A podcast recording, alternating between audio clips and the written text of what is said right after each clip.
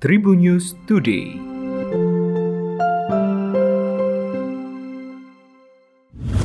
Tribuners berjumpa kembali bersama Hakim di Tribun News Today. Hakim akan berbagi informasi menarik hari ini, mulai dari informasi nasional, regional, selebritis, dan juga informasi olahraga.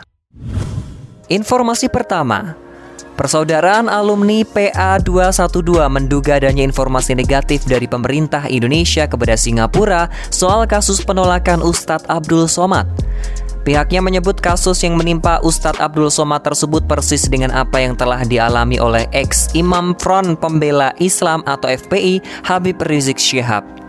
Ex-Ketua Umum PA 212 sangat menyayangkan pemerintah Indonesia yang tidak terlihat melindungi dan memberikan informasi positif soal ulama. Sebelumnya, Selamat mengancam PA 212 bakal melakukan aksi di Gedung Kedubes Singapura Setiabudi Jakarta Selatan terkait kasus penolakan Ustadz Abdul Somad alias UAS saat pergi ke Singapura. Singapura menjadi trending topik di Twitter diduga berkaitan dengan unggahan Ustadz Abdul Somad. UAS juga diduga ditahan di tahanan imigrasi dan kabarnya dilakukan deportasi dari kota Singan tersebut. Informasi kedua, pemerintah Kabupaten Madiun menyekat perbatasan dengan Kabupaten Magetan, Jawa Timur guna menekan penyebaran penyakit mulut dan kuku atau PMK pada hewan ternak. Sebab telah ditemukan 25 hewan ternak yang terjangkit PMK di Kabupaten Magetan, Jawa Timur. Pemkap bersama TNI dan Polri telah memetakan daerah di Kabupaten Madiun yang aman dari PMK dan juga sebaliknya.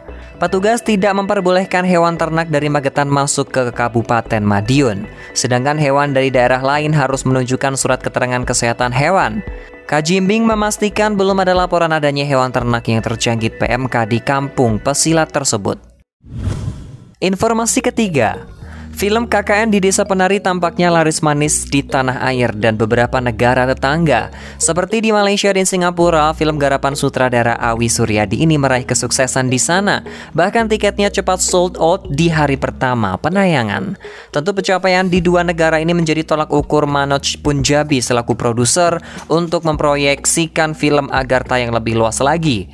Manoche mengatakan pihak MD Entertainment dan MD Picture sedang menyusun strategi agar film yang diperankan oleh Agini Hakyu dan kawan-kawan ini bisa sukses saat tayang di luar negeri. Adapun beberapa alasan Manoj berkeinginan film KKN di Desa Penari tayang di seluruh dunia, salah satu di antaranya adalah antusiasme dari masyarakat.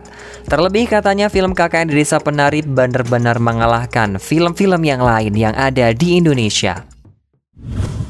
Informasi terakhir, semarakan prestasi Indonesia di SEA Games Vietnam 2022. Timnas Wushu Indonesia turut menyumbangkan 15 medali yang terdiri dari 3 emas, 9 perak, dan 3 perunggu. Di mana medali emas Indonesia dipersembahkan oleh Seraf Siregar, Alicia Melinar, dan juga Junita Malau. Wakil Ketua Komisi 10 DPR RI Hetiva Syaifuddin mengatakan kesalutannya atas prestasi timnas wushu Indonesia yang konsisten menyumbang emas pada multi-event internasional.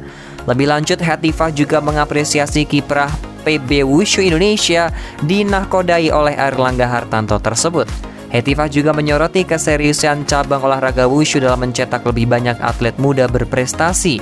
Terlebih, wushu masuk ke dalam 15 cabang olahraga prioritas pemerintah yang dikemas dalam desain besar olahraga nasional atau DBON. Lebih lanjut, Hetifah optimis Indonesia akan kembali mencetak prestasi dalam kejuaraan wushu internasional di Indonesia. Demikian 4 informasi terupdate hari ini. Jangan lupa untuk terus mendengarkan berita terkini lainnya hanya di Spotify Tribunnews Podcast dan juga YouTube tribunnews.com. Tetap patuhi protokol kesehatan 3M dengan memakai masker, mencuci tangan, dan menjaga jarak atau menjauhi kerumunan. Saya Hakim pamit, salam sehat untuk semua, dan sampai jumpa. Tribun News Today